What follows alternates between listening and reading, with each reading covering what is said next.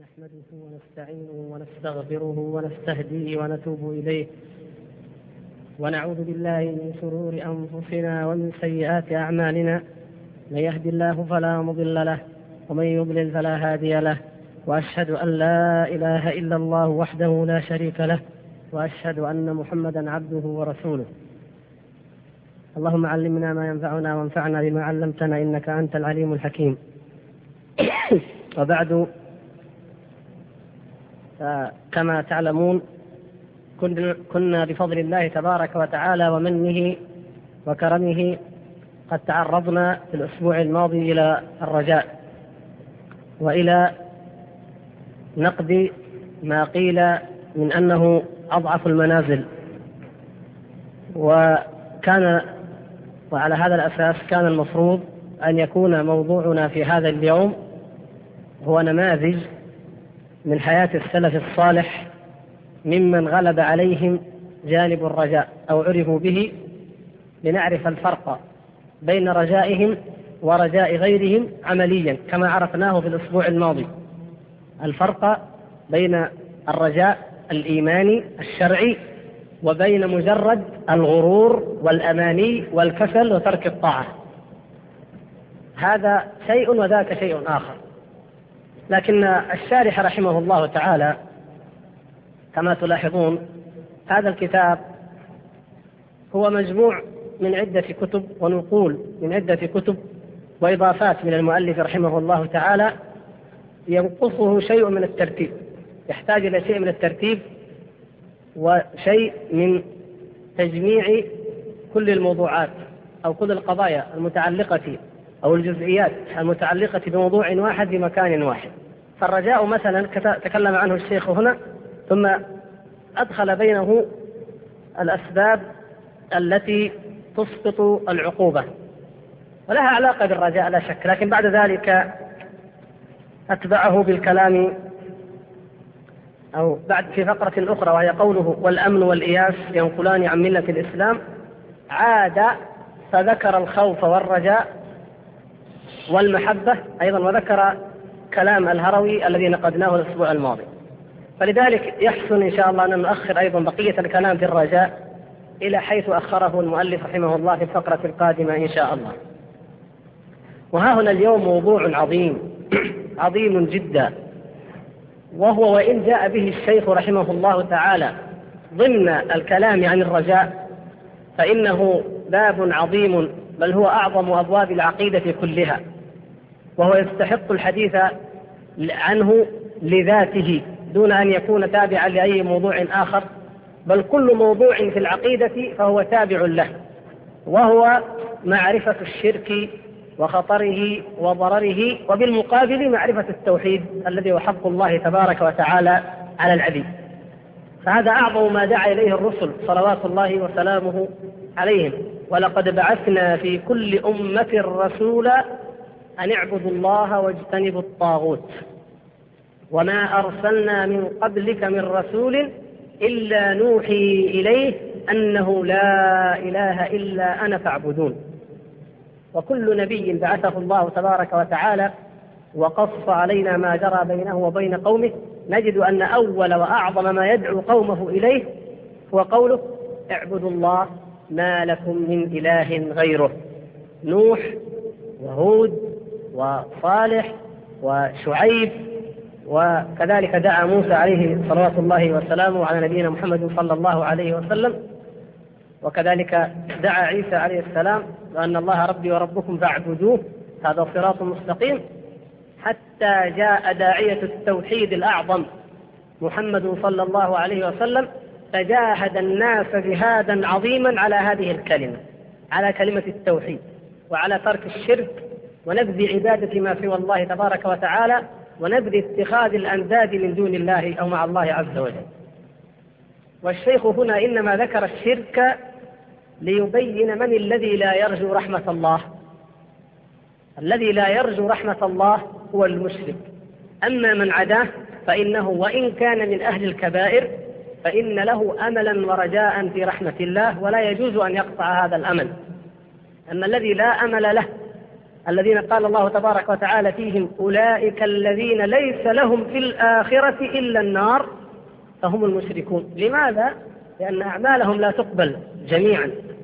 كما قال تبارك وتعالى أعمالهم والذين كفروا أعمالهم كسراب بقيعة. هكذا. أعمالهم وقدمنا إلى ما عملوا من عمل فجعلناه هباء منثورا. كرماد اشتدت به الريح في يوم عاصف وهكذا. لا لا تقبل أعمالهم لأن الشرك هو أقبح القبائح وأعظم الذنوب وأكبر الجرائم وأكبر الكبائر. فهذا هو الذي يحبط الأعمال كلها ولا يقبل معه أي عمل من الأعمال كائنا ما كان. وإن كانت صلاة أو صياما أو صدقة أو دعوة أو جهادا أو أمرا بمعروف أو نهيا عن منكر مهما بلغ جهد من يجتهد مهما كانت عبادته مهما توسل إلى الله تبارك وتعالى بأي نوع من أنواع القربات وهو مشرك لا يقبل الله تبارك وتعالى منه صرفا ولا عدلا. والشيخ رحمه الله تعالى يقول هنا وقال تعالى إن الله لا يغفر أن يشرك به ويغفر ما دون ذلك لمن يشاء. ثم قال فالمشرك لا ترجى له المغفرة لأن الله نفى عنه المغفرة لا ترجى له لا يرجوها لنفسه ولا يرجوها أحد له مهما كانت قرابته أو صلته أقرب قريب لأعظم رسول وحبيب هو أبو الرسول صلى الله عليه وسلم ومع ذلك هل نفعه ذلك؟ هل نفعته قرابته؟ هل يشفع له النبي صلى الله عليه وسلم ألا يدخل النار؟ لا لما جاء الرجل وسأله كما في الحديث الصحيح في صحيح مسلم قال أبي وأبوك في النار لا يغني ذلك شيئا أبدا ولو أن أحدا ينفع أباه وليس لأحد عليك من حق أعظم من والديك وليس أحد له قيمة عند الله سبحانه وتعالى ووجاهة أعظم من رسول الله صلى الله عليه وسلم أبدا. فلو أن أحدا ينفع لنفع النبي صلى الله عليه وسلم أباه. وإنما شفاعته صلى الله عليه وسلم لعمه أبي طالب أن يخفف عنه لا أن يمنع من دخول النار أو أن يدخل الجنة لا يدخلها أبدا. إنه من يشرك بالله فقد حرم الله عليه الجنة ومأواه النار وما للظالمين من أنصار. فهذا الشرك أيها الإخوة الكرام بأبه عظيم وشأنه جلل وهو خطير ولا بد من معرفته والحذر منه والتنبه له كبيره وصغيره دقيقه وجليله. ومن أوفى ما كتب في هذا الموضوع عن الشرك وقد أحببت أن أقرأه لكم ونفيد منه جميعا ونفيد منه جميعا ونرجع إليه هو الكتاب الذي أشرنا عليكم بشرائه وقراءته. وقرأنا منه فيما مضى وهو كتاب الجواب الكافي لابن القيم رحمه الله. الجواب الكافي الذي له عنوان آخر ما هو الداء والدواء. نعم. والكتاب كما تعلمون في الأصل هو جواب لسؤال عن كبيرة عن فاحشة عن سبب الذنوب التي تأتي من قبل الشهوة. لأن الذنوب إما من قبل الشهوة ومن قبل الشهوة. والذنوب الشهوانية مرجعها إلى مرض القلب. وأعظم مرض يصيب القلب من جهة الشهوة مرض العشق. فناسب أن أن يستطرد رحمه الله الكلام عن الذنوب وخطرها وضررها توسع في ذلك ثم استطرد إلى بيان الذنوب التي لا يرجى معها خير أبدا وهو الشرك. عند حديثه عن آثار الذنوب وخطرها وضررها ناسب أن يذكر أعظم الذنوب وأخطرها وأشدها ضررا على الإنسان في دينه ودنياه. لأنه إذا كانت الفواحش دون الشرك بتلك المنزلة من الخطر إذا كانت الموبقات إذا كان عقوق الوالدين إذا كانت الغيبة إذا كانت النميمة إذا كانت السرقة إذا كان الزنا إذا كان ظلم الناس إذا كان كل هذه الكبائر والموبقات توعد الله تبارك وتعالى عليها من الوعيد ما توعد فما بالكم بالذنب الأعظم؟ الذي ترجع إليه هذه الذنوب جميعا والذي لا ينفع معه عمل صالح كما تقدم. فيقول الشيخ رحمه الله تعالى في الطبعة التي عندي 114 المحققة تحقيقا قديما يقول الشرك شركات يمكن من الأول نبين يعني نقرأ بعض الكلام من 113 لأنه مفيد جدا. يقول إن الله عز وجل أرسل رسله وأنزل كتبه وخلق السماوات والأرض ليعرف ويعبد ليعرف ويعبد ويوحد ويكون الدين كله له والطاعة كلها له. هذه قاعدة عظيمة. يعرف ويعبد ويوحد ويكون الدين كله له والطاعة كلها له. هذا الذي من أجله خلق الله تبارك وتعالى الناس الثقلين وأنزل كتبه وأرسل رسله. والذي كثير من المسلمين يتكلمون في كل شيء إلا هي. قد يتكلمون في الفضائل في الرقائق في النوافل في الأخلاق في المعاملات ولا يتكلمون على هذا الذي هو الأساس والأصل. ثم قال فتكون إيش؟ الدين كله له والطاعة كلها له والدعوة له وإليه. كما قال تعالى وما خلقت الجن والإنس إلا ليعبدون وقال تعالى وما خلقنا السماوات والأرض وما بينهما إلا بالحق وقال تعالى الله الذي خلق سبع سماوات ومن الأرض مثلهن يتنزل الأمر بينهن لتعلموا أن الله على كل شيء قدير وأن الله قد أحاط بكل شيء علما. لاحظ التعليل. لتعلموا أن الله على كل شيء قدير. وأن الله قد أحاط بكل شيء علما. إذا المقصود أن يعلم الناس صفات رب العالمين وأن يعرفوه. وأعداء التوحيد يتهاونون في الأسماء والصفات. ولا يريدون أن يعرفوا الناس بالله سبحانه وتعالى. ولا أن يحببوا رب العالمين إلى العالمين إلى العبيد. ولكن أهل السنة والجماعة من عقيدتهم أن أعظم شيء في هذا الدين أن يعرف الناس رب العالمين ويوحده. والاستدلال على ذلك جلي في كتاب الله. أعظم سورة في كتاب الله هي الفاتحة كما تعلمون. وهي تعريف بالله كما بينا فيما مضى. وأعظم آية في كتاب الله آية الكرسي وهي أيضا تعريف بالله وصفات لله سبحانه وتعالى. وهنا أيضا قال وكما قال في المائدة جعل الله الكعبة البيت الحرام قياما للناس والشهر الحرام والهدي والقلائد. ذلك لتعلموا أيضا علل مرة أخرى لتعلموا أن الله يعلم ما في السماوات وما في الأرض وأن الله بكل شيء عليم. الذي لا يعلم ذلك لا خير فيه ولا في عبادته. أي إنما شرعت هذه الشرائع وفرضت هذه الفرائض ليعرف الله تبارك وتعالى ويعبد وحده لا شريك له. قال فأخبر سبحانه أن القصد بالخلق والأمر ألا له الخلق والأمر؟ يعني من خلق العباد القصد والغرض والحكمة من خلق العباد ومن الأمر من أمرهم ونهيهم لأنه تعالى لم يتركهم سدى. معنى سدى لا يؤمر ولا ينهى لا إنما خلقهم وأمرهم أيضا شرع لهم الشرائع. هو ماذا ما القصد أن يعرف بأسمائه وصفاته ويعبد وحده لا يشرك به وأن يقوم الناس بالقسط. وهو العدل الذي قامت به السماوات والأرض. أن يكون الناس قائمين بالقسط وبالعدل مجانبين وتاركين للظلم. انظروا أهمية العدل وأهمية الظلم. وما هو أعظم العدل وما هو أظلم الظلم؟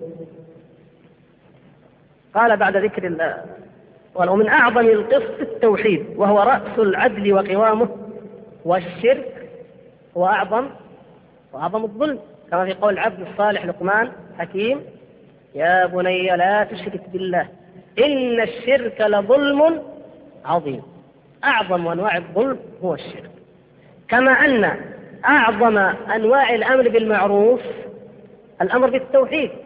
لما قال الله تبارك وتعالى الذين إن مكناهم في الأرض أقاموا الصلاة وآتوا الزكاة وأمروا بالمعروف ونهوا عن المنكر أعظم ما يؤمر به هو توحيد الله عز وجل.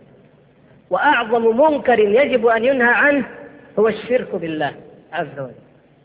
العدل إذا أعظم عدل الذي ذكرنا الله تعالى وأمرنا به إن الله يأمر بالعدل والإحسان أعظم العدل توحيد الله سبحانه وتعالى.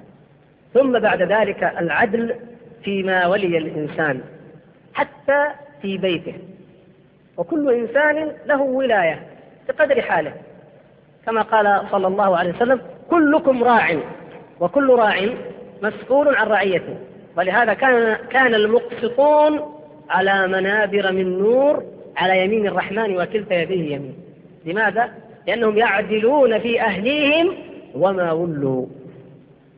قال فالشرك أظلم الظلم والتوحيد أعدل العدل فما كان أشد منافاة لهذا المقصود فهو أكبر الكبائر ما كان منافاة لما لما خلق الله تعالى من أجله الناس وأمرهم به فهو أكبر الكبائر إذا يكون ماذا؟ الشرك وتفاوتها بدرجاتها يعني لماذا تتفاوت الكبائر؟ لماذا تتفاوت بعضها أكبر من بعض؟ إنما تتفاوت بحسب قربها من الشرك.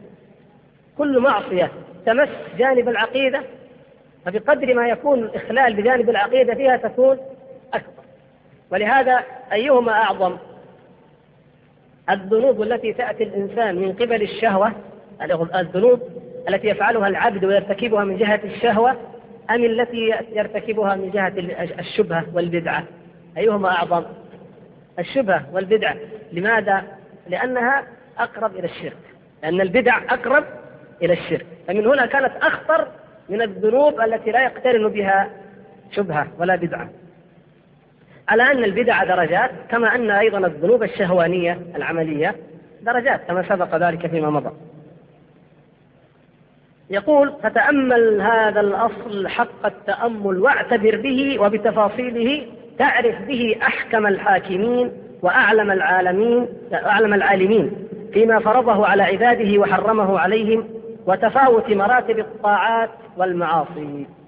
فلما كان الشرك بالله منافيا بالذات لهذا المقصود كان أكبر الكبائر على الإطلاق.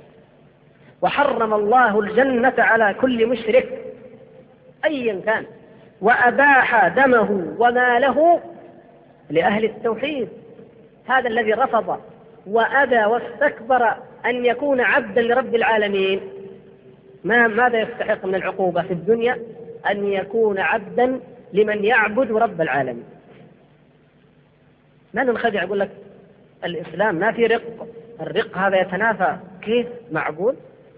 في القرن العشرين ويكون هناك رق والإنسان يستعبد الإنسان هذا ما ينبغي.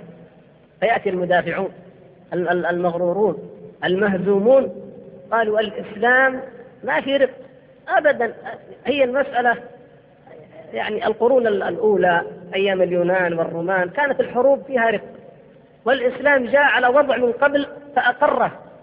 بعضهم ينكر يعني على استحياء يتخافتون بها. سبحان الله. هل في ديننا ما نستحي منه؟ هل في ديننا ما نخافت به؟ هل في ديننا ما نداري الخلق من أجله؟ لا أبدا. هذا الرق مما شرعه الله سبحانه وتعالى ومما يدل على فضل التوحيد وأهله وعلى إهانة الله تبارك وتعالى للشرك وأهله فلا مكرم لهم ولا قيمة لهم عند الله سبحانه وتعالى كائنا ما كانوا. حقوق الإنسان التي يعبرون عنها بالميثاق الدولي لحقوق الإنسان هذه الأسطورة الكاذبة ما جاء دين بمثل ما جاء به هذا الدين والحمد لله. البشر يضعون لأنفسهم حقوقا. سبحان الله العظيم. الله تعالى الذي خلقهم هو الذي جعل لهم هذه الحقوق. وأعظم حق للإنسان أن يعبد الله وحده لا شريك له ولا يعبد شيئا من دونه. هذا أعظم حق لأنه الذي من أجله خلق ومن أجله قامت السماوات والأرض وبه قامت. أما أن يكون من حقوق الإنسان كما جاء في الميثاق الدولي لحقوق الإنسان أن يغير الإنسان دينه كما يشاء. يعني حتى لو كان مسلما يرتد ولا أحد يملك شيئا من ذلك ولا يمنعه. هذه من حقوق الإنسان. أبدا. هذه إضاعة لأكبر وأعظم حق وهو حق الله تبارك وتعالى. فإن كان هذا الميثاق لو كان يدعو الناس إلى أن يكونوا جميعا مسلمين موحدين لله عبيدا له نعم. هذه هذا هو الحق. ومن ارتد منهم فإنه يقتل إلا أن يعود إلى إيمانه. أما هذه الحقوق هذا زيف وكذب. وإنما عرفه الغرب بعد الثورة الفرنسية. عرفتها أوروبا لأنها عاشت في ظلام وفي ظلمات. لم يخرجها منها أحد. لماذا؟ لأنها لم تدخل في دين الله ولم تعتنق الإسلام أما المسلمون فهم في غنى. عن أن يقال إن لك حرية التنقل وحرية العمل مكفولة وحرية العيش الكريم وحرية صيانة المنازل. ما تحتاج. بدهيات في ديننا هذه. ما تحتاج إلى أن تكرر ولا أن تقال منذ أن بعث الله محمد صلى الله عليه وسلم وهذه الحريات والحقوق مكفولة مضمونة. ومن انتهكها خالف أمر الله ورسوله صلى الله عليه وسلم وأثم في الدنيا والآخرة. ما تحتاج إلى تأكيد لكن لا ننسى الحق الأعظم وهو أن هذا الإنسان له الحق والحرية أن يعبد الله تعالى كما يشاء. أي أن يكون حرا في أن يتدين بدين الله عز وجل وأن يعبد الله سبحانه وتعالى كما أنزل وكما بعث رسوله صلى الله عليه وسلم دون أن توضع عليه القيود.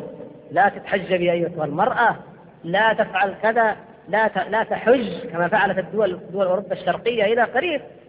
لا تبنوا المساجد لا لا تطالبوا بالاحتكام للكتاب والسنة. لا أبدا. هذه الحرية. حرية في داخل الكتاب والسنة. فهو دين الحرية حقا. الذي يحرر الإنسان من الشهوات ومن عبادة الشيطان ومن عبادة الأنداد والبشر والأحبار والرهبان والكهان. والأباطرة وغير ذلك ممن ادعى الألوهية أو الربوبية مع الله سبحانه وتعالى. فهؤلاء لما تركوا القيام بعبودية الله استحقوا أن يكونوا عبيدا لمن قام بحق العبودية لله وهم المؤمنون. ولذلك انظروا إذا ترك المؤمنون التوحيد سلطوا سلط الكافرون عليهم عقوبة لهم أيضا. لأنهم عرفوا الحق وتركوه وتنكبوا طريقه يقول وأبى الله أن يقبل من مشرك عملا أو أن يقبل فيه شفاعة أو يستجيب له في الآخرة دعوة أو يقبل له فيها رجاء. هذا ليس له رجاء أبدا.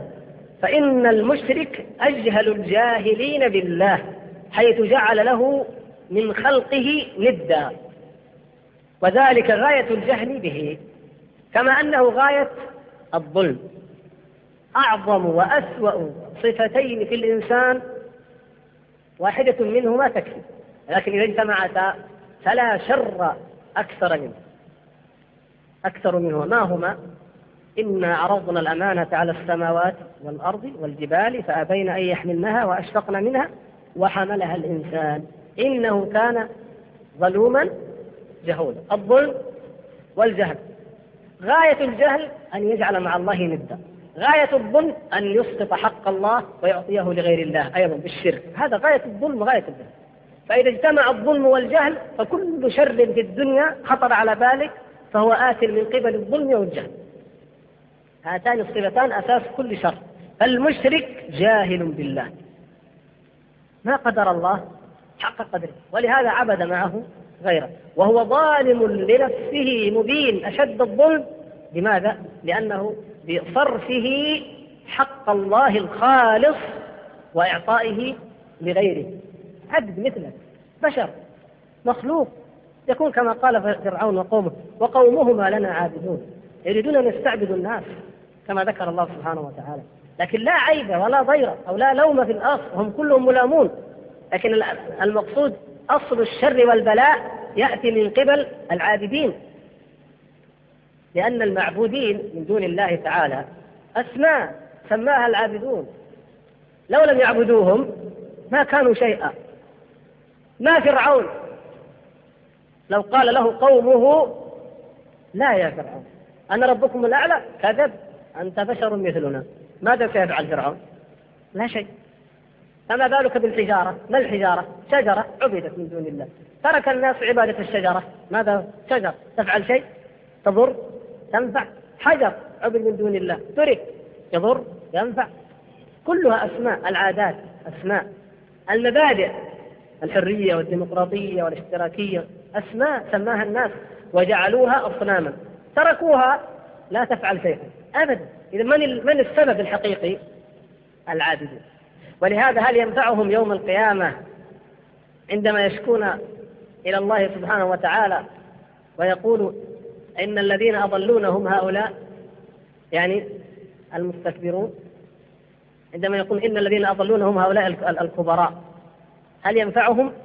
قولهم ربنا إنا أطعنا سادتنا وكبراءنا فأضلونا السبيل. وغير ذلك مما قص الله تبارك وتعالى كما في البقرة وفاطر وغيرها من السور. هل ينفع؟ لا ينفع الضعفاء هذا العذر. لماذا؟ لأنه في الحقيقة لو تأمل المتأمل لولا هؤلاء الضعفاء لما تفرعن أولئك المربوبون أو المعبودون من دون الله سبحانه وتعالى. إذا هذا الجاهل بالله هو الذي يدعو غير الله مع الله وهو هذا المشرك. ثم يبين بعد ذلك موضع فيقول الشرك شركان. هنا ما ما الشرك اذا ما حقيقته؟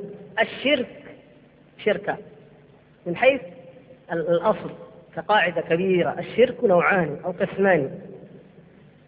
شرك يتعلق بذات المعبود وأسمائه وصفاته والآخر شرك يتعلق بعبادته ومعاملته. الأول في ماذا؟ في أسمائه في صفاته في أفعاله. يعني فيما هو من خصائصه تبارك وتعالى.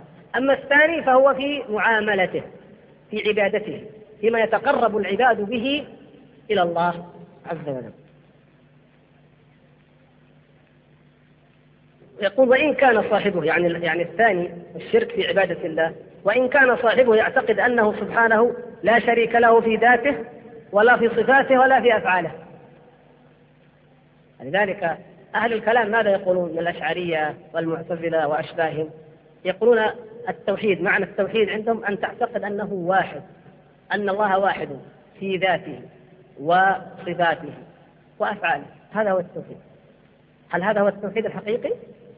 يعني اعتقاد أنه واحد ليس مركبا ولا مبعضا ليس اثنين ولا ثلاثة واحد. طيب وبعدين في ذاته واحد في أسمائه واحد وصفاته في أفعاله واحد. إذا هذا التوحيد. لا ليس هذا فقط التوحيد هذا جزء من التوحيد. ولا يجب أن يكمل بماذا؟ بأن يعبد وحده لا شريك له. يتقرب إليه وحده لا شريك له. فيكون إخلاصك ورجاؤك ويقينك وصدقك وخوفك ومحبتك وإنابتك ورغبتك ورهبتك وصلاتك وصيامك وحجك ونذرك كله لله. مع ذلك مع ما يتعلق بصفاته. لكن هم أخطأوا في الصفات كما أخطأوا في المعاملة. وقال الشرك الأول ما الأول؟ المتعلق أيوة بذاته وأسمائه وصفاته نوعان. انتبهوا لهذا بارك الله الشرك الأول نوعان. أحدهما شرك التعطيل. أحدهما شرك التعطيل. يقول وهو أقبح أنواع الشرك كشرك فرعون إذ قال وما رب العالمين. ما معنى قول فرعون كما قص الله تبارك وتعالى عنه في سورة الشعراء؟ وما رب العالمين. هل هو كما يقول المجادلون أو المتنطعون سؤال عن الماهية؟ يعني أخبرني ما ماهيته ما هو ما حقيقته وما رب العالمين؟ أم ماذا؟ إنكار. هذا وما رب العالمين؟ إنكار. كلام فرعون هذا على سبيل الإنكار. أي لا رب لا أحد. إلى أي شيء تدعون؟ أنا ربكم الأعلى. هكذا يزعم فرعون. ولذلك هذا قال يا فرع يا هامان قال فرعون يا هامان ابن لي صرحا لعلي أبلغ الأسباب. أسباب السماوات فأطلع إلى إله موسى وإني لأظنه كاذبا. ما في شيء. هو على قلب من وجهة نظر فرعون المعلنة. لا نعني داخل الأمر باطل الأمر. وجحدوا بها واستيقنتها أنفسهم ظلما وعلوا. ولهذا يقول له موسى عليه السلام لقد علمت ما أنزل هؤلاء إلا رب السماوات والأرض بصائر. تعلم يا فرعون أن الله تعالى هو الذي أنزل هذه الآيات وهذا الدين. ففي الحقيقة فرعون يعلم. فرعون هو هو يستطيع أحد عاقل أو أو يستطيع أحد يحترم عقله أن يدعي أنه رب العالمين في الحقيقة والواقع لكن شهوات وأبهة وملك وغرور. غرور إن الكافرون إلا في غرور. فرعون أنت رب العالمين. أنت الذي لم تنجب ولدا من نفسك. تكون رب العالمين. كيف يعبدك هذا الشعب ال- الذي لا عقل له؟ الشعب المستخف كما قال الله تعالى فاستخف قومه فأطاعوه. إنهم كانوا قوما فاسقين. يعني الأمة الفاسقة المتحللة. الضائعة التي تميل إلى الإباحية وإلى العري وإلى الفساد وإلى إضاعة الأوقات. يستخفها أي مجرم أي كذاب. يجي لينين يقول هذا ماركس ولينين إحنا جبنا أفضل شريعة معاك يا لينين جاء القوميون قالوا لا المسألة القضية والمسألة قومية عربية. معاكم يا قوميون. الاشتراكيون مع الاشتراكيين البعثيون الملايين تصفق مع البعثيين. مع كل من يدعو إلى ضلاله لماذا؟ لأنهم مستخفون. استخفهم الذين عرفوا ضعفهم عرفوا فسقهم عرفوا فجورهم. الأمة التي لا تفسق ولا تفسد ولا تفجر تملك عقلها ولهذا يردعها ذلك عن أن يستخفها أحد. لا تستخف. فهذه الأمة لماذا لم تفكر؟ تصدقون أنه ربكم؟ وتجتمعون يوم الزينة لتروا النتيجة وهل بذلك من شك؟ هل تحتاجون أن تروا النتيجة؟ لعلنا نتبع السحرة إن كانوا هم الغالبين. يعني الاحتمال الراجع عندهم أنهم هم الغالبين وفرعون. عجيب والله. يعني النتيجة ما تزال القضية غير واضحة في أذانهم وهم يرونه لم ينجب.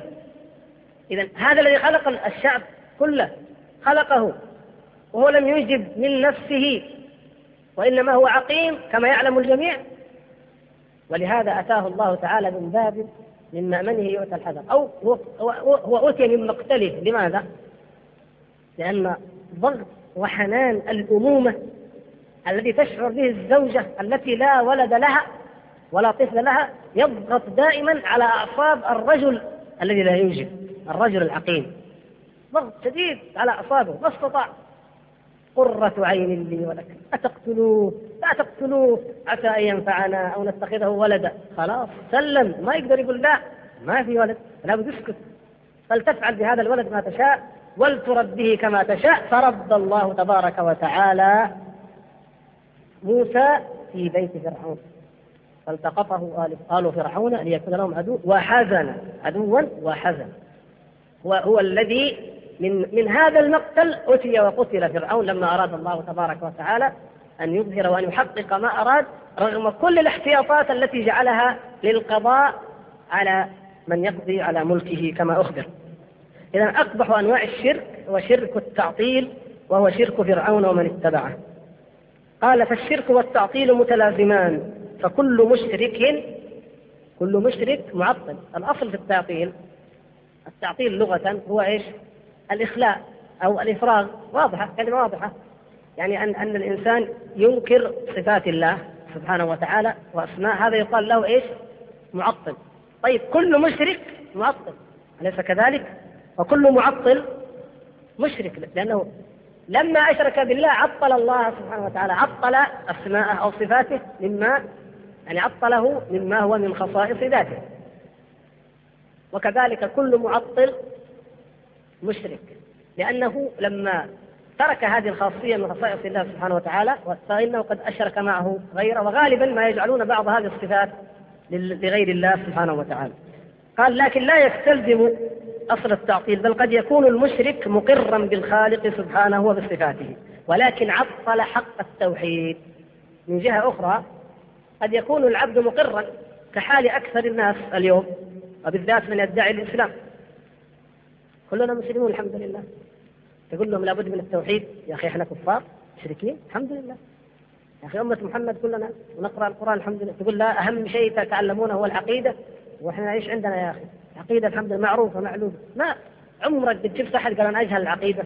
إلا طالب علم صادق. لكن العامة الناس المكابرون عجيب. وش عندنا؟ كلنا الحمد لله. ما ما يرون أن ينقصهم شيء أبدا. أبدا. من هنا يؤتون. فهم لا يعني مقرون بأسماء الله بصفاته بشيء منها لكنهم مضيعون لحقه. قال وأصل الشرك وقاعدته التي يرجع إليها هو التعطيل وهو ثلاثة أقسام. إذا نكتب أقسام إيش؟ التعطيل.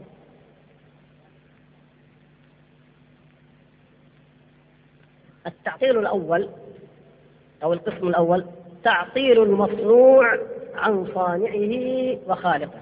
يعني تعطيل الخلق عن الخالق. هذا أول نوع من أنواع التعطيل. أم خلقوا أم خلقوا من غير شيء أم هم الخالقون؟ عجيب. مخلوقات أمام عيننا يقولون لا خالق لها عطلوها عن خالقها. عن الله تبارك وتعالى بالذات. وإلا لا بد أن يضعوا في أذهانهم شيئا. لذلك الذين يشركون بالله من الشيوعيين أو الملحدين أو الغربيين. لا بد أن يجعلوا خالقا غير الله. لا في الحقيقة في اللفظ يقولون هذه لا تحتاج إلى خالق. في اللفظ لكن في الحقيقة لا بد أن يفترضوا خالقا أو موجدا ما.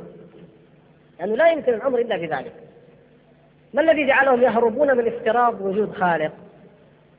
لأنهم إذا قالوا الله أو الرب فالمقصود به عندهم هو ذلك صاحب البابا صاحب الكنيسة المكون من ثلاثة أقانيم الذي تجسد في شكل إنسان وصلب على الصليب ثم صعد إلى السماء ثم كذا ثم كذا. هذا هذا الذي خلق السماوات والأرض؟ ما يمكن. إذا إيش الحل؟ نقول ما لها خالق. يعني كأنه أريح في نظرهم أن يقال ما لها خالق.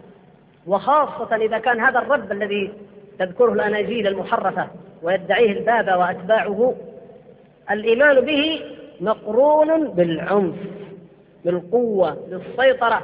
فإذا خالفت أي شيء من كلام رجال الدين كافر زنديق حلال الدم والمال كهنوت محاكم تفتيش. إذا قالوا لا الإلحاد كأنه أريح. نهرب من هذا. طيب لما هربوا من إثبات الإله والرب هذا بقوا معطلين؟ نعم. لكن هل غاب عن أذهانهم؟ هل نسوا القضية هل, هل لم يفترضوا أي شيء؟ افترضوا. قال بعضهم الطبيعة. طيب وما هي الطبيعة؟ يقول هذا الكون الموجود أمامك. هذه هي الطبيعة. ما ما استفدنا شيئا. يعني هذا المخلوق هو الخالق. الطبيعة وجدتها الأشياء. وهذه الأشياء هي الطبيعة.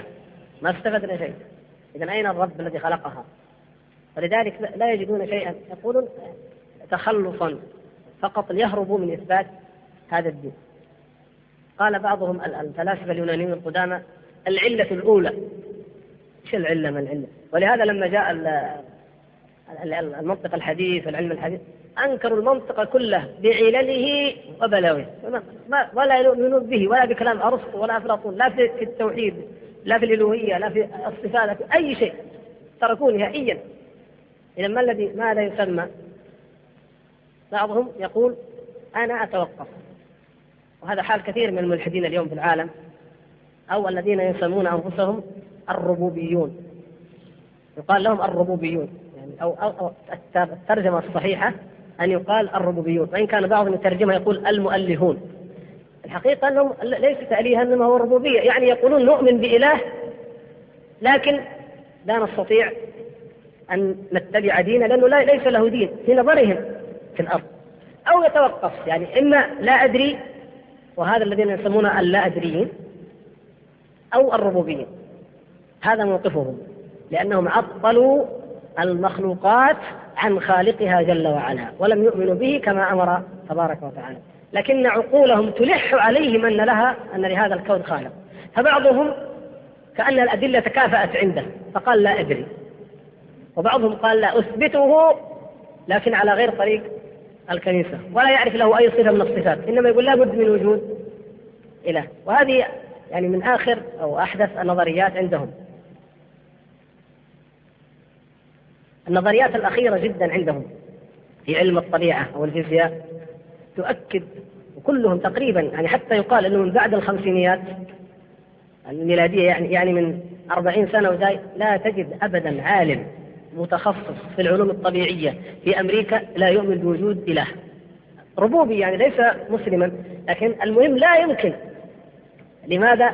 لأن آخر النظريات التي منها نظرية الانفجار العظيم كما تسمى ولأنه كما يقولون قوانين الديناميكا الحرارية وقوانين الهندسة الهندسة الوراثية أو الجينات وقوانين كذا لا يمكن أن تتصور إلا بمدبر حكيم.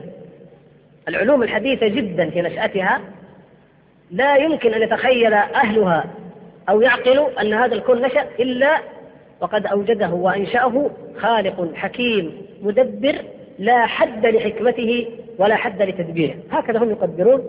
يعني يصفونه من عند أنفسهم من خلال ما عرفوا من آثار هذه الصفات في في خلقه. حتى عندما يتحدثون عن علم الجمال. يعني عندما يتكلمون قد يكون هذا استطراد لكن لأنه حتى علم الجمال الذي كان في القديم مجرد آه، مبحث من مباحث الفلسفة العتيقة الآن علم علم الجمال أو الحديث عن الجمال أصبح عند هؤلاء دون أن يقال لهم من جهة أي أحد من المؤمنين لكن هم قالوا الجمال الذي في الكون يدل على أن له إله في غاية الحكمة وأن هذا الإله جميل. ولذلك يقولون لو كان الغرض من الزهرة الزهر هذا الورود. لو كان إذا جردت عن الجمال ماذا يبقى؟ لو كان الغرض مجرد الأغصان أو الورق؟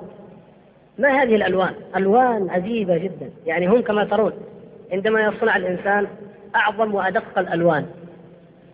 وتتعرض للشمس فترة من الزمن فإنها اللون يتغير أو يبهت أو يضعف. أقوى أنواع العطور وأغلاها وأثمنها ضع في الغرفة منه في اليوم انظر بكرة بعد بكرة انتهى. هذه الأزهار الفواحة التي تتلون بأنعم يعني هي في غاية النعومة والرقة وفيها ألوان في غاية الجاذبية والجمال والأشكال التي لا يكاد تخطر على البال وتفوح منها هذه الرائحة الزكية طوال الأيام والليالي لا تنفد. مع أنها من ماء وتراب. لا يمكن إلا أن خالقا خلقها وقدرها كذلك. ما يمكن أبدا. هم تعجبوا. قالوا حتى حبيبات الثلج. حبيبات الثلج الصغيرة جدا لما وضعوها تحت المجهر وجدوا أنها أشكال سداسية وأشكال ثمانية. شيء عجيب جدا. إذا الإنسان المسكين ينظر من بعيد كذا يرى الأشياء هذه يرى أنها كأنها عبث. لكن لما يدقق يجد فيها من الجمال والتناسق شيء عجيب جدا. الإنسان منا الآن لما يرى للجبال ينظر للجبال ويرى كأنها مختلفة. يعني واحد طويل واحد قصير واحد كذا أشكال الحجارة. لو تجمع لك ألف حجر أن كل منها يختلف عن الآخر. مليون حجر ممكن تجمعها وكل منها يختلف في شكلها عن الآخر. يقول لك السبب في هذا هذا أصل نوع من أنواع الجمال. نحن لا ندركه. كيف ما يدرك الإنسان الجمال؟ يقول لك الإنسان عقليته تبسيطية. الإنسان عقلية مبسطة. يعني يحب يشوف حاجة مربعة مثلثة مستطيلة دائرة. الأشكال الهندسية المعروفة عندنا لأنها مبسطة مربع خلاص تفترض يعني ضلع كذا إذا ذهنيا تكمل الضلع الآخر الثالث الرابع. هذه عقلية مبسطة. لكن لو ارتقى الإنسان بعقله قليلا لما لا إيش أصبح في شيء أكثر من هذا التبسيط ثم أكثر ثم أكثر حتى يجد أنه مثلا موج البحر كمثال الذي لا يستقر على شكل معين. هذا غاية ما في الكون من جمال ودليل على أن لهذا البحر ربا يحركه كل لحظة. وهو الذي يديره سبحانه وتعالى. فتجد هذه الحركات المتغيرة فيه هذه الأشكال وهذه الألوان. فأينما نظروا كما ذكر الله سبحانه وتعالى ما ترى في خلق الرحمن من تفاوت فارجع البصر هل ترى من تفاوت ثم ارجع البصر كرتين ينقلب إليك البصر خاسئا وهو حسير. تأملوا وجدوا عجب عجب. وجدوا أن الأصغر ذرة في الكون عندما توضع تحت المجهر الكبير جدا الذي ما عرفوه الملاحدة في القرن الماضي أو في أول هذا القرن ممن كانوا يظنون أنهم حملة العلم ما عرفوا هذه ما رأوها وجدوا أن هناك يعني كهيربات ومدار تدور فيه ونواه. سبحان الله. فإذا تأملوا في الفضاء وجدوا أن هنالك مدارات هائلة جدا. المدار هو المدار. الفرق أن هذا مداره في حيز لا يكاد العقل يتصور ضيقه. أما هذا فهو ملايين ملايين كيلومترات. هل يقول مليون كيلو؟ الفلكيين يعبروا بالمليون كيلو. مليون ميل؟ ما في عندهم شيء اسمه إيش عندهم؟ مليون سنة ضوئية. كيف سنة ضوئية؟ خلونا نتعلم شوية يا أخوان ها؟ إيش هي يا نادر؟ السنة الضوئية كيف؟ كيف ما ها؟ أيوه. يعني سرعة محسوب بسرعة إيش؟ الضوء. الضوء يقطع كما جربوا هم تجربة يعني عملية ومع مع الزمن يعني يعني تقريبا تكون نظرية تكاد تكون 100% صحيحة أنه يقطع 300 ألف كيلو في الشهر في الثانية 300 ألف كيلو في الثانية. الضوء أسرع شيء في هذه الدنيا في هذا الوجود هو الضوء. يعني أنت لو تكلمت لو جيت على واحد وعندك كشاف لو ضغطت الكشاف يصل النور يوم ما يسمع كلامك هذا مجرد يعني الضوء أسرع شيء البرق يصل قبل ما صوت الرأي واضح يعني أشياء أسرع شيء هو الضوء هذه في الدقيقة طيب إذا كم يكون اليوم؟ إذا كان في الثانية كم الدقيقة؟ كم الساعة؟ كم اليوم؟ كم الأسبوع؟ كم الشهر؟ فكم السنة الضوئية؟ يعني ما يمكن أدور لا يمكن يحسب الكون بملايين الكيلومترات أبدا إنما بملايين السنين الضوئية ولما تعمقوا أكثر وأكثر أصبح ما يقدروا يحسبوا ملايين فأيضا اصطلحوا على اصطلاح إيش هو؟ أيوه. إيش هو؟ ولا أنت في الطب ما تدرسوا الله طيب. يعني التريليون رقم لا هو في اصطلاح آخر يعني مجموع السنوات الضوئية أيضا لها يعني ما المهم ما عجزوا. طيب بعدين نجيب أنا كما يقول مثلا لما قال الله تبارك وتعالى وأنه هو رب الشعرى الشعر اليمانية. هذه الشعرى اليمانية نجم عظيم في السماء. الناس لما أنزلت عليهم هذه الآية وكل من يعني يعلم الشعر هذه لا شك أنه يؤمن بالله وبعظمة الله. رب هذا النجم العظيم الكوكب العظيم الذي في السماء. لكن الأولون كانوا يتخيلون أو بعضهم على الأقل لا نعني الجميع. فلا شك أن من آتاه الله البصيرة والعلم كان يعلم بعلم من الله ونور من الله لكن الناس العاديون يعني كان يتخيل أن الأرض هذه يعني والسماء كأنهما سواء. وأن هذه النجوم نعم بعيدة وعالية لكنها يعني إلى حد ما كأنها جبل مثلا. يعني نفرض أن الشعرى مثل جبل أحد لكن من بعدها نراها صغيرة. لا الآن يقول لك لا يمكن. الآن مثلا يعني لا يهمنا الرقم دقيق جدا مو دقيق لكن يقولون الشعرى تبعد عن الأرض ستة ملايين سنة ضوئية بمعنى آخر لو أن الشعرة هذه انفجرت طبعا يحدث انفجارات كثيرة جدا في بعض النجوم تتلاشى تتحول إلى يعني آه تناثر أشياء متناثرة في الفضاء. لو انفجرت الشعرة وانتهت ودمرت متى يعلم الناس هنا أنها انفجرت وأن لا وجود لها؟ بعد كم؟ بعد ستة ملايين سنة. لأنه يظلون يرونها من, من شدة بعدها وأشياء حقائق مذهلة جدا. وهذه بالنسبة يعني لعلومهم هذه هذا يعني هذا الكلام يعتبر عادي جدا. يتعلمه أبناؤنا وإخواننا في المتوسطة والثانوي مثلا حتى عندنا هنا يعني صار في نوع من المعرفة بهذا لكن المتعمقون منهم يعني يصلون إلى نظريات مذهلة جدا. فتضطر يعني أعصابهم شعورهم عواطفهم مشاعرهم أن تقول الله. أو الخالق لا يمكن إلا أن يكون خالق. وراء هذا الكون البديع. حتى وجدوا من جملة العجائب التي وجدوها هذا الجمال العجيب أنه حتى الكون حتى المجرات الهائلة الكبيرة جدا في الكون والمجرة عبارة عن مجموع إيش؟ نجوم كبيرة والنجوم الكبيرة يتبعها توابع كبيرة والتوابع قد يتبعها أيضا توابع أقمار وتوابع إلى آخره. يعني مجموعة هائلة جدا الذي نرى نحن الآن مجرة واحدة في الكون. هناك مجرات بعض المجرات في أطراف الكون كما يقولون ولم يعرفوا آخره لم يعرفوه طبعا هم مثل على شكل رأس الحصان يسموها مجرة رأس الحصان على شكل رأس الحصان بعضها شكل كذا بعض يعني شيء عجيب جدا وجدوا أنه يعني الدقة الحكمة الإبداع الإتقان وفي نفس الوقت الجمال. ليس مجرد إتقان في الصنعة ولكن مع هذا الإتقان جمال. عجيب. جمال للشمس وجمال في القمر وجمال في الأرض وجمال في البحار وجمال في الصخور. يعني بحيث أنك بعض الحجارة أو بعض الصخور يستخرج منها أنواع عجيبة جدا في منظرها بجمالها وبعض الجمال لا تراه العين المجردة كما قلنا مثلا حبيبات الثلج مثلا أو غيرها ما ما فيها جمال. لكن عندما يريدوا أن يدققوا فيها ويضعوها تحت المجهر يرون من الجمال اعاجيب واعاجيب هذا كله دليل على ماذا؟ على أن لهذا الكون خالق. إذا من أعظم أنواع الجاحدين والكافرين والمعاندين الذين ينكرون أو يعطلون الخلق عن الخالق. هذا النوع الأول من أنواع التعطيل. والثاني تعطيل الصانع أو نقول الخالق لا بأس. ورد الصانع في حديث إيش؟ الله خالق كل صانع وصنعته. ف وفي قوله سبحانه وتعالى صنع الله الذي أتقن كل شيء. نعم. ف يطلق الصانع أو الأفضل يقال الخالق تعطيل الخالق عن كماله بتعطيل أسمائه وصفاته. هذا النوع الثاني من أنواع التعطيل. لا ينكرون وجوده ولا أنه هو الخالق لكن ينكرون صفاته وأسمائه يعطلونه منها. كما يقول أهل الكلام لا داخل العالم ولا خارجه. ولا نقول إنه يغضب ولا نقول إنه يرضى ولا نقول إنه ينزل ولا نقول إن ليش قال حتى يعني لا نقع في التشبيه؟ فينفون صفات الله ويعطلون صفات الله سبحانه وتعالى ويثبتون شيئا شبيها بالعدم أو هو العدم. العدم. لأنه يعني حتى التفتزاني من أئمتهم الكبار اعترف يعني إنه من الصعب جدا نقض كلام شيخ الإسلام ابن تيمية رحمه الله لما قال إن قولك إن الشيء لا داخل ولا خارج ولا فوق ولا تحت ولا قدام ولا خلف إلى آخره.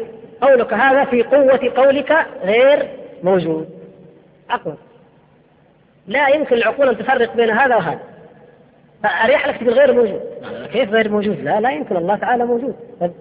إذا أين هو آه لا لا لا تسأل عنه بأين. ولا نقول لا لا داخل ولا خارج ولا طيب. الذي سأل عنه بأين؟ من هو؟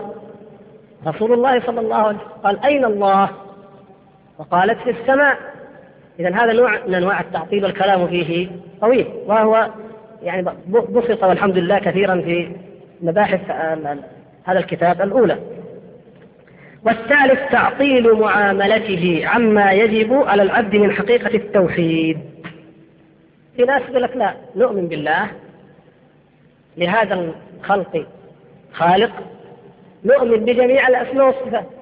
مثلا ما يهمنا لو تقولوا لقينا حديث يا أخي اليوم يثبت شيئا الحمد لله نؤمن به نحن على التوحيد ونحن من أهل السنة ونؤمن قد ما تثبت يثبت. لكن يعطله عن حقه في المعاملة وفي الطاعة بالشرك الكلي أو الجزئي الكلي كأن يعبد غير الله. سجودا وصلاة وصياما لغير الله هذا كله. والجزئي أن يقع في الرياء مثلا أو في صرف بعض الأنواع لغير الله أو في بعض الأحيان أو في بعض الحالات لغير الله تبارك وتعالى. هذا النوع الثالث من أنواع التعطيل. نعم؟ نعيد الثلاثة ولا الثالث؟ الثالث تعطيل حق الله يعني أو تعطيله من حقه على العباد في معاملته. أو تعطيل عبادته. المهم الغرض هو هذا. فالأول تعطيل الخلق عن الخالق يعني نفيه إنكاره. ها؟ الأول إنكاره. والثاني إنكار أسمائه وصفاته. والثالث إنكار عبادته وحقوقه. كذا أسهل ها؟ طيب. قالوا من هذا شرك طائفة أهل وحدة الوجود الذين يقولون ما ثم خالق ومخلوق ويقولون ما هنا شيئان. بل الحق المنزه هو عين الخلق المشبه. أيوة. هذا جماعة محمود محمد طه وأمثاله غلاة الصوفية في القديم والحديث. هذا نوع آخر يقول لك لا ما ثمة خالق ولا مخلوق. عياذا بالله. هذه الموجودات الخالق عين المخلوق والمخلوق عين الخالق. والعياذ بالله هؤلاء بلغوا من الكفر إلى حد لا لا تستسيغه العقول. أظن ذكرت لكم مرة أنني قابلني واحد منهم لكن ما قابلنا هنا. في بلاد الحرية. والعياذ بالله. وكان المركز مليان من الناس في المسجد. فتحدث فجاء ويقول إنه هو الله. تعالى الله عما يقول الظالمون أنت؟ قال أنت. أعوذ بالله. كيف؟ هذا من جماعة الهالك الخبيث. كيف كيف تقول هذا؟ يا رجل اتق الله. أنت مسلم؟ قال نعم مسلم لكن هذا حقيقة التوحيد. هذا هذا أكثر كفر وأعظم نوع أنواع الشرك. قال لا النصارى كفرت لأنها جعلت الآلهة ثلاثة. لكن نحن نقول كل شيء هو الله. إذا ما تكفر يرى المسكين المخدوع أن شيخهم لقنهم ذلك أن كفر النصارى لأنهم جعلوها ثلاثة فقط. وفرعون كفر لأنه قال أنا ربكم. الحقيقة يقول هو والشعب رب. عياذا بالله. شفت كيف الكفر؟ فهذا الكفر هو شر وأقبح أنواع الكفر عند جميع أهل الملل كل من يعبد الله أو يعرف الله أو يتحدث عن الله يكفر هذا النوع. اليهود يعتبرونهم كفار. ويوجد في اليهود بعض الحلولية والاتحادية النصارى اللي اللي يزيد عن الثلاثة عندهم كافر. إذا كفار حتى عند النصارى. كفار عند البوذيين كفار عند الهندوس. سبحان الله إلا من كان على مثل هذه النحلة الخبيثة. ومع ذلك يدعون أنهم هم أهل التوحيد والعياذ بالله. وطبعا الجهمية الذين عطلوا صفات الله وأسماء كما ذكرنا هذا نوع من, من أنواعهم إلى آخره. هذا النوع إيش؟ الأول شرك التعطيل. والنوع الثاني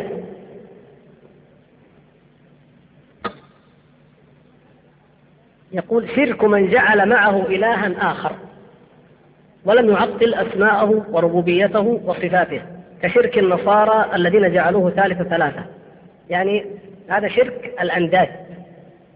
النوع الثاني هو شرك الأنداد. يعني لم يعطلوا أسماءه وصفاته. لكن قرنوا به غيره. مثل شرك النصارى. النصارى مثلا الله عظيم جليل قدير سميع بصير ما في مشكلة عنده. لكن يقول لك هذه الصفات أيضا لمن؟ للرب يسوع. من الرب يسوع؟ الله. هذا اسم من أسماء الله.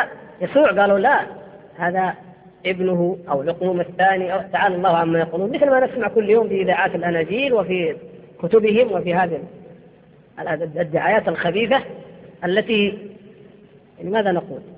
ماذا نقول لو أردنا نتحدث عن عن التنصير؟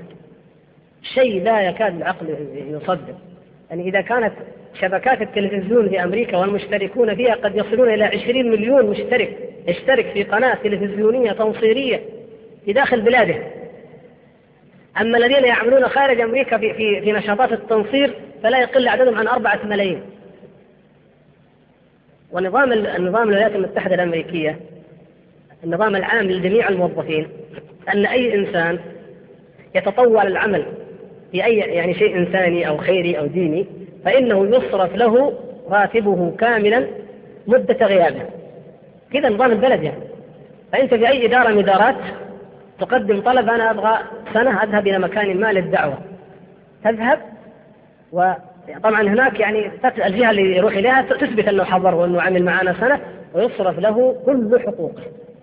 بل حتى الإقامة لا يؤثر عليها إذا كان مقيم ولا يريد أن تنقطع إقامته. يعتبر في أمريكا نعم تعتبر كأنك في أمريكا ولا يؤثر على إقامتك لأنك ذهبت في عمل خير. إذا لابد تنافس الناس في هذا الخير في نظرهم. هذا هو الخير. أربع ملايين يخرجون هذا أمريكا أما السويد والنرويج. فماذا نقول؟ اذهب إلى أفغانستان تجدهم إلى بنغلاديش تجدهم إلى الحبشة إلى الصومال إلى كل مكان. أي بلد مسلم بالذات البلد البلدان الإسلامية. فيضانات زلازل فقر أول ما يحدث وإذا بهؤلاء بمطاراتهم ومعاهدهم ومراكزهم وكل شيء مستشفياتهم نزلوا فيه. تعال تنصر ونعطيك. انظروا أسوأ أنواع الدعوة إلى إلى إلى إلى المبدأ. يدعون الإنسان من باب الاضطرار ما عندهم إقناع. كما يفعل الروافض الآن أيضا لهم دعاية خبيثة ما في إقناع يعني ما هي العقيدة التي يعرضها عليه فيؤمن بها؟ لا شيء. ما عنده شيء. لو جاء يشرحها ما عنده شيء. ولذلك كما ذكر العلماء ابن القيم رحمه الله لو لو اجتمع عشرة من النصارى وطلبت من كل واحد من إيش؟ يشرح عقيدته. قال اختلفوا على أحد عشر قولا. يعني المبالغة يعني إنه قد إنه يعني خلافاتهم أكثر من من عددهم النصارى الآن في العالم كله. وكم استبانات عملت؟ ماذا تعرف عن الرب عن الإله؟ ما في شيء. اذا لا شيء ومع ذلك يعملون له كل شيء. أما الذين عندهم كل الإيمان والخير والهدى فلا يعملون أي شيء إلا ما رحمه وإن قاموا بالدعوة من يقوم بها؟ إما مبتدعة وإما جهال لو يد فرخان فرخان. فرخان هذا داعية الإسلام الأكبر في أمريكا. إيش يعتقد فرخان؟ مشرك وثني. يعتقد أن ليجيا محمد هو الله. تعالى الله عما يصف هذا اللي مات من زمان وابنه وارث الدين ما يزال هذا هذا الآن ويأتي هنا على أنه ممثل الإسلام الأكبر في أمريكا. وليس فيه من الإسلام ذرة. أنصار الله. مجموعة كبيرة هناك. إيش أنصار الله؟ قال لك نحن نؤمن بالأديان الثلاثة. يحطوا أو الأربع يحطوا القرآن والتوراة والإنجيل والزبور ويحطوا هلال وصليب ونجمة وكل شيء. نؤمن بها كلها مع بعض. وتجدهم في المطارات في كل مكان يرون يعني أن أن المسلمين أو السعوديين بالذات يأتوا فيه. يجيك هذا الشاب ملتحي ولابس عندنا ما شاء الله يقول أنا أخوك في الإسلام. نبغى مساعدات تبرع لنا جمعية أنصار الله. تتبرع ما شاء الله. أحيانا أكثر الناس يدفع. تقول إيش تعتقدون؟ يقول لك كذا وكذا أعوذ هذا أنتم مسلمون يرى أن هذا هو الإسلام وغير ذلك. هذا إن دعا أحد يدعو على بدعة ولا يدعو على التوحيد. أو قلة قليلة جدا. من يدعو إلى التوحيد؟ كم؟ كم مندوب للإفتاء في أمريكا؟ عشرة مثلا. يعني خبرهم أول في هالحدود 10 إلى 12 ما أدري إن كانوا زادوا. بلد 250 مليون. في 10 انفار. أو 12 نفر وهم متلهفون يريدون دينا يؤمنون به. ما يجد شيء. وهم يأتون إلى بلد زي الصومال أو غيرها من الدول المنكوبة بالآلاف. في مطارات ومعدات ومنشآت وكل شيء.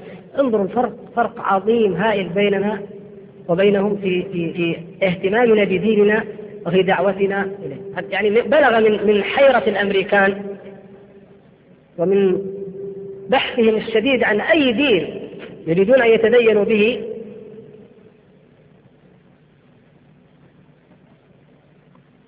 كما حدثني بذلك الشيخ الراوي وإن شاء الله ثقة. وحدثني بهذا في يعني في, في منزلي وتحدثنا في الموضوع. قال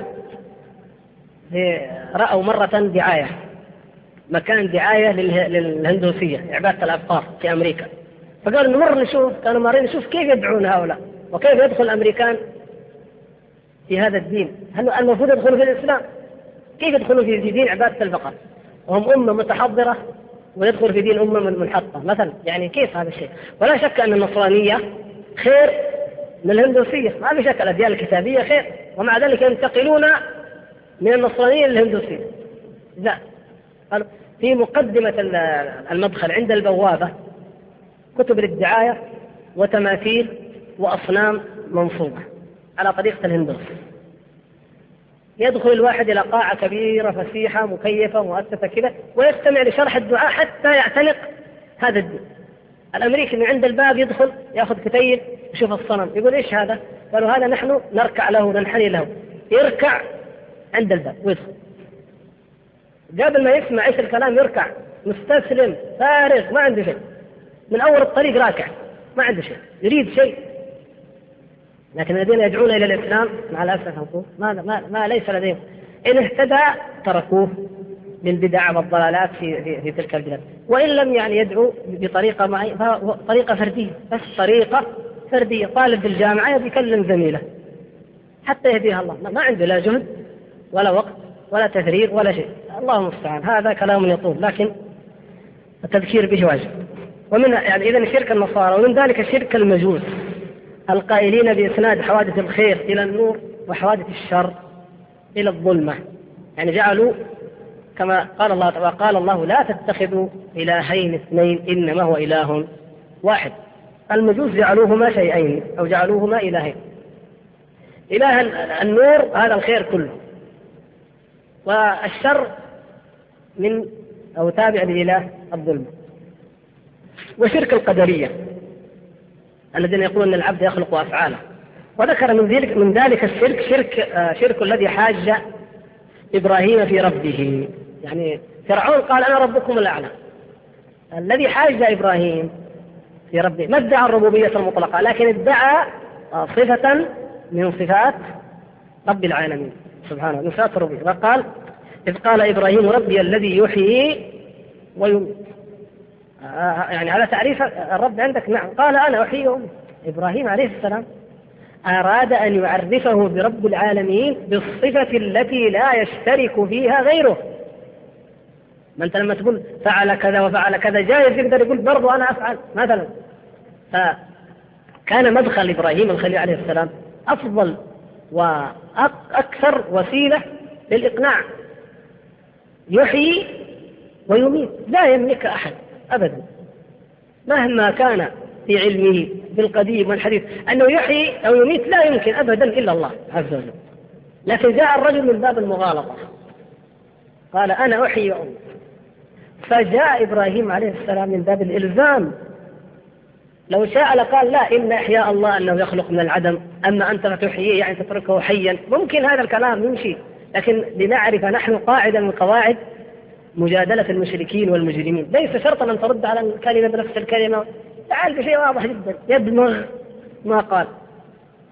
قال إن الله يأتي بالشمس من المشرق. ما شاء الله. إذا يعني أنت على كلامك كل ما يفعله الله إيش؟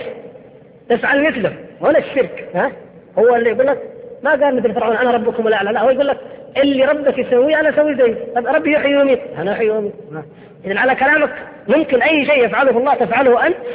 طيب الله تعالى يأتي بالشمس من المشرق فأتي بها من المغرب. أيوة. ما يقدر أيوة. آه. القضية ما هي قضية أنه حجة عقلية لديه أو فهم؟ لا لكن الخليل عليه السلام جاء بشيء لا يمكن أن أن يطاق لا لا يستطيع وإلا حتى في الحجة الأولى حجته داحضة لكن والمغفلون الذين حوالينه قالوا غلبه غلبه. نعم والله غلب. قال أنا أحيي وأميت غلبه.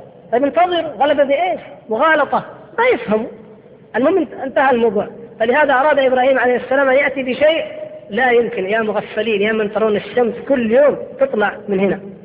هذا ملككم الذي يدعي الربوبية. خلها تطلع من المغرب؟ أتي بها من المغرب. أنت خلاص. لا يمكن. إذا فبهت الذي كفر. انتهى. وانقطع وخرج. وهكذا يعني نوع من أنواع المجادلة العظيمة التي علمنا إياها الله تبارك وتعالى من خلال ما قصه عن خليل إبراهيم عليه السلام. ومن يعبد الكواكب ويعبد النار و ويقول رحمه الله ومنهم من يعبد يزعم أن معبوده هو الإله أو أنه أكبر الآلهة هذا هذا الكلام الذي نحن نقوله أو نحكيه آه، عرضا في في الغرب هنالك الذين يدعون أنهم أهل العقول وأهل الحضارة اليونان. جعلوا لكل شيء إلها. أو ربا تعالى الله عما يشركون. كل شيء. الجمال له إله المطر له إله الجبل الجبال لها إله النور له إله الشمس لها إله الشعر له إله. أي أي شيء تتصور في بالك من شيء له ربه. الغالب الغالب أنه ليس إلها ذكرا بل هو ربه أو إلهه. إن صح فجعلوا فاليونان كل شيء جعلوا له إله وبعدين الأساطير الخرافات اللي عندهم الآلهة تتصارع. وهذا الإله يصار هذا الإله والإله غلب الإله هذا وهذا غلب هذا. كل كلامهم كل تاريخهم كل عقائدهم هذا هذه الوثنية المنحطة التي لا يعني لا أي أي عقل يترفع عنها. ومع ذلك ينسب إليه من الفضائل والحضارة والعلم ما لا ينسب إلى أي أمة أخرى. وهذا من آثار أن أن الغرب اليوم حتى وهو لا يؤمن بأي دين وحتى في العالم الإسلامي ينقل هذا الكلام. يعني فينوس وهذه مثلا إلهة الجمال وأبولو إله الشعر وأطلس أطلس إله العالم يقولون الذي يحمل العالم على على ظهره. وكل شيء تستخدم هذه العبارات وتطلق حتى أحيانا يقال إله كذا أو رب كذا. مثل ما في هذا الخبيث نجيب محفوظ كتابه الذي أخذ فيه الثلاثية التي أخذ عليها الجائزة الصهيونية كما عبر بلسانه أنها جائزة صهيونية أن السنة الأولى لما حرم من الجائزة وسئل لماذا لم تأخذها وقد رشحت لها؟ قال لا أنا ما أخذها. هذه الجائزة لا يأخذها إلا صهيوني عميل للصهيوني. جاء السنة الثانية رشحوه فأخذها شاكرا ممنونا. وهو صحيح فعلا لا يأخذها إلا الصهيوني من جملة الثلاثية يذكر إيش؟ قصة مصرية قديمة وأن الإله غضبت والإله رضي والإله كلها حول التأليف تعالى الله عما يصفون. ولا يتحرجون أن يقولوا إله أو إله غير الله. ونحن نقول لا إله إلا الله. الحمد لله. شعارنا نحن المسلمين هذه الكلمة العظيمة كلمة التوحيد. لا إله إلا الله. لا يطلق هذا على أحد غير الله تبارك وتعالى. إذا هذا النوع الأول الشرك النوع الأول من أنواع الشرك. الشرك الثاني هو شرك العبادة الشرك في عبادته وحقوقه ومعاملته. يقول رحمه الله فهو أسهل هذا الشرك أسهل من هذا يعني من ذلك الشرك وأخف شرا. لماذا؟ قال فإنه يصدر ممن يعتقد أنه لا إله إلا الله وأنه لا يضر ولا ينفع ولا يعطي ولا يمنع إلا الله. وأنه لا إله غيره ولا رب سواه. يعني هذا يقع. وكلها شرك لكن أخف من هذه الجهة من جهة أن فاعله وقع في التلبيس في اللبس لبس ولهذا قال تعالى الذين آمنوا ولم يلبسوا إيمانهم بظلم. هذا لبس إيمانه بظلم بشرك. مقر أنه لا إله إلا هو ولا خالق ولا نافع ولا ضر كل شيء أسماء وصفاته لكن لا يخلص لله تعالى في معاملته وفي عبوديته بل يعمل لحظ نفسه تارة وطلب الدنيا تارة ولطلب الرفعة والمنزلة عند الناس والجاه عند الخلق تارة. إذا فلله من عمله نصيب ولنفسه ولشيطانه من عمله نصيب. هذا هو الشرك الآخر أجرنا الله وإياكم. وهذا هو الذي قال النبي صلى الله عليه وسلم عنه فيما رواه ابن حبان في صحيحه. قال الشرك في هذه الأمة أخفى من دبيب النمل. قيل وكيف ننجو منه يا رسول الله؟ قال قل اللهم إني أعوذ بك أن أشرك بك وأنا أعلم. أعوذ بك أن أشرك بك وأنا أعلم. يعني من أشرك به وهو يعلم.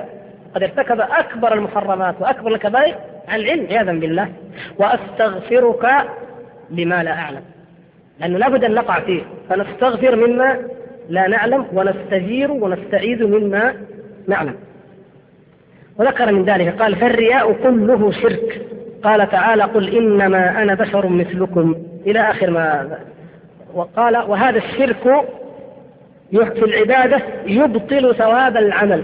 يبطل ثواب العمل. لو صلى لغير الله أو حج أو زكى لا نعني لغير الله أنه عبد عبد غير الله مطلقا. هذا كافر مشرك لا شك فيه. لكن إذا جعل صلاته رئاء من أجل الناس من أجل أن يقال عنه أنه مصلي أو يثنى عليه. وبعض الناس عياذا بالله ابتلوا بهذا البلاء. العلماء يذكرون بعض الأمثلة أن بعض الناس يكاد يعني يبلغ به هذا الحال إلى حد عياذا بالله. كالأعرابي الذي دخل عليه بعض السلف ورأى صلاته وحسنها فتعجب. قال أعرابي ويصلي هذه الصلاة الخاشعة. فلما سلم قال ومع ذلك أنا صائم. والعياذ بالله. زيادة يعني أنت أنت مدحتني على إيش؟ على الصلاة لكن لازم تدري كمان أني صائم. إذا نعوذ بالله ماذا يريد؟ ما أراد بعمله عياذا بالله وجه الله. إنما ليثنى عليه به. يعني الأعرابي هذا حالة نفسية موجودة عند كثير من الخلق. عافانا الله وإياكم. لا يأمن الإنسان على نفسه أبدا أن يكون من هؤلاء. ممن يريد أو يحب أن يحمد بما لم يفعل ويراؤون الناس. ولهذا علامتهم كما قرنا بهم. ولا يذكرون الله إلا قليلا. المؤمن في باطنه مع ربه خير منه في ظاهره. أما أن يذكر الإنسان بالخير ويثنى عليه بما هو فيه فتلك عاجل بشرى المؤمن. لكن لا, لا يعمل هو من أجلها. نحط في فرق بين أن يعمل من أجلها عياذا بوجه الله وبين أن تقال عنه.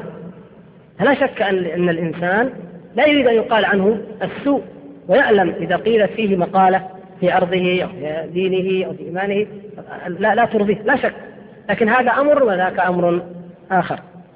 فهذا يحبط العمل. كما قال الله تعالى في الحديث القدسي أنا أغنى الشركاء عن الشرك. فمن عمل عملا أشرك معي فيه غيري فهو للذي أشرك. أو قال تركته وشركة وأنا منه بريء. قال يعني نكمل إن شاء الله في خلال خمسة دقائق حتى ما نحتاج نرجع إليه مرة أخرى. قال هذا الشرك ينقسم إلى أكبر وأصغر. الشرك في المعاملة العبودية ينقسم إلى أكبر وأصغر. ومغفور وغير مغفور. والنوع الأول ينقسم إلى كبير وأكبر وليس شيء منه مغفور. النوع الأول شرك كبير وشرك أكبر ما في أصغر. كبير وأكبر ولا شيء منه مغفور أما هذا النوع منه أكبر كمن يصلي لغير الله أصلا عياذا بالله أو كمن يكون رياؤه في أصل الدين. المنافقون يا إخوان رياؤهم في إيش؟ في أصل الدين يعني المنافق نفاقا أكبر. يعني شهد أن لا إله إلا الله رياء. غيره لا شهد أن لا إله إلا الله وآمن بالله وصدق بالرسول صلى الله عليه وسلم بالقرآن عن حق. لكن رياؤه في بعض عبادته في جهاده في صلاته في دعوته في بعض أنواع العبادة. أما أصل الدين عنده ليس رياء. هذا هو الثاني الذي يدخل في ماذا؟ في الكبائر. وقد يحبط العمل وقد لا يحبط بحسب قوته. وقد تحبط صلاة راى فيها ولا تحبط صلاة أخرى لم يرائي فيها. وهكذا. إذا هذا منه مغفور. المغفور منه ما يندرج تحت الكبائر والذنوب. يعني مغفور يعني تحت المشيئة. آه لا نفهم مغفور أنه يعني لا يؤاخذ عليه. لاحظتم يا إخوان المقصود إيش؟ مغفور يعني قابل لأن يغفر. قابل أن يغفر داخل تحت المشيئة. أما الشرك الأكبر فإنه لا يمكن أن كما قرأنا في الآية لا يمكن أن يغفره الله سبحانه وتعالى. ثم ذكر بعد ذلك شيئا من أنواع هذا الشرك مثلا شرك الألفاظ والحلف وشرك الإرادات وشرك النيات إلى آخر ما ذكره رحمه الله تعالى مما بين به حقيقة هذا الذنب العظيم. نسأل الله سبحانه وتعالى أن يعافينا وإياكم وإخواننا المسلمين منه وأن يجنبنا الشرك صغيره وكبيره ودقيقه وجليله وأن يجعلنا من المؤمنين الصادقين الموحدين. إنه سميع مجيب. والحمد لله رب العالمين.